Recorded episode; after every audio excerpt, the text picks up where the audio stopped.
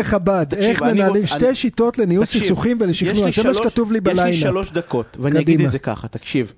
גנדי ו- ו- והרבי, אה, מהטמה גנדי והרבי מלובביץ' הבינו שני דברים, דבר מאוד מאוד פשוט דרך אגב, כן. שדרך אגב כל סוכן מכירות מבין את זה, ואנחנו טועים בזה. פעם אחרי פעם.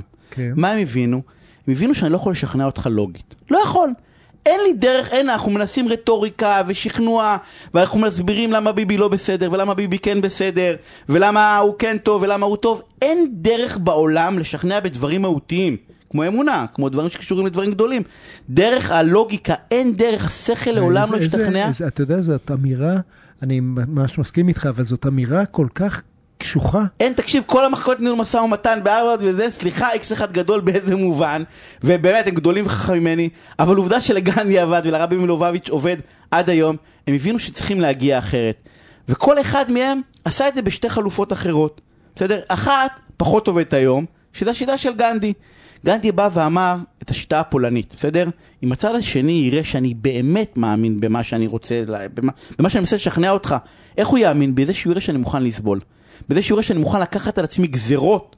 בסדר, הוא, הוא, הוא, שווה, הוא אה, עשה שביתת רעב רעב, כן. עד מוות. כן. ותקשיב, הוא הצליח לעצור את כל האלימות בהודו לתקופה קצרה, עד בסדר? שהרגו אותו, שנייה כן. רגע, לא, עד שזה, אבל הוא לא הצליח... את כל האלימות. תקשיב, אבל- אבל, אבל זה מדהים שבאמירה רגע, למה אתה הספציפית חושב הזאת... שזה לא מצליח שנייה רגע? כי אנחנו בעולם המערבי שלנו, בסדר? אה, יותר, אה, יותר מפונקים. לא אכפת לנו אם מישהו אחר סובל, לא, אנחנו לא אנחנו אוהבים. לסבול, אני לא ומה. עכשיו אתה מכניס אני לשביתת לא בטוח רעב? שאתה צודק. שנייה רגע, אני חושב שכמות האנשים, ודרך אגב, איפה ראו את זה מאוד מאוד טוב, אפרופו?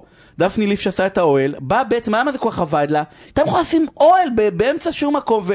או אני לא זוכר איך קוראים לזאת צעדה. זה עובד גם היום. אז אני אומר, אה, זה- זה- זה עובד, אבל זה לא בהיקפים שזה צריך לעבוד. מה כן עובד למשל? מרים פרץ, לא? אה, לא מרים? פרץ, זאתי שצעדה מדימונה, אני לא זוכר איך קוראים לה, לא, לא מרים פרץ, זה אימא של אה, זה, זה לא אותה אחת, אבל אני בא ואומר, יש משהו בסבל שעובר ועובר מדהים, עכשיו לא כי אני סובל, אני לא פולני, אבל עצם זה שהצד השני רואה שאני מוכן לשלם מחיר, כל כך כבד, הוא בא ואומר, אם הוא מוכן לשלם מחיר, כנראה שהוא אותנטי. שהוא אותנטי לגמרי, אבל חב"ד הבינו את זה אחרת. כן. הם אמרו אותו דבר, הם אמרו, מתי בעצם אני יכול להגיע לבן אדם שהוא שמח?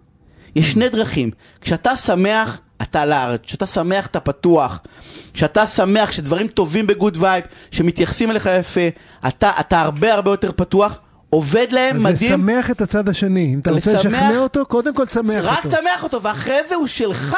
תשמח אותו ותיתן אותו. דוגמה אישית שאתה מוכן לסבול בשבילה. לגמרי, זה שני הטיפים. עושים, לגמרי, ואל. תנסה לשכנע אותו בטיעונים לוגיים, כי אף אחד לא מקשיב לך. חד משמעית, חבל על כל לא הוויכוחים, נולד- עוד לא. נולד הלוגיקן שישכנע. מישהו במשהו. חד משמעית.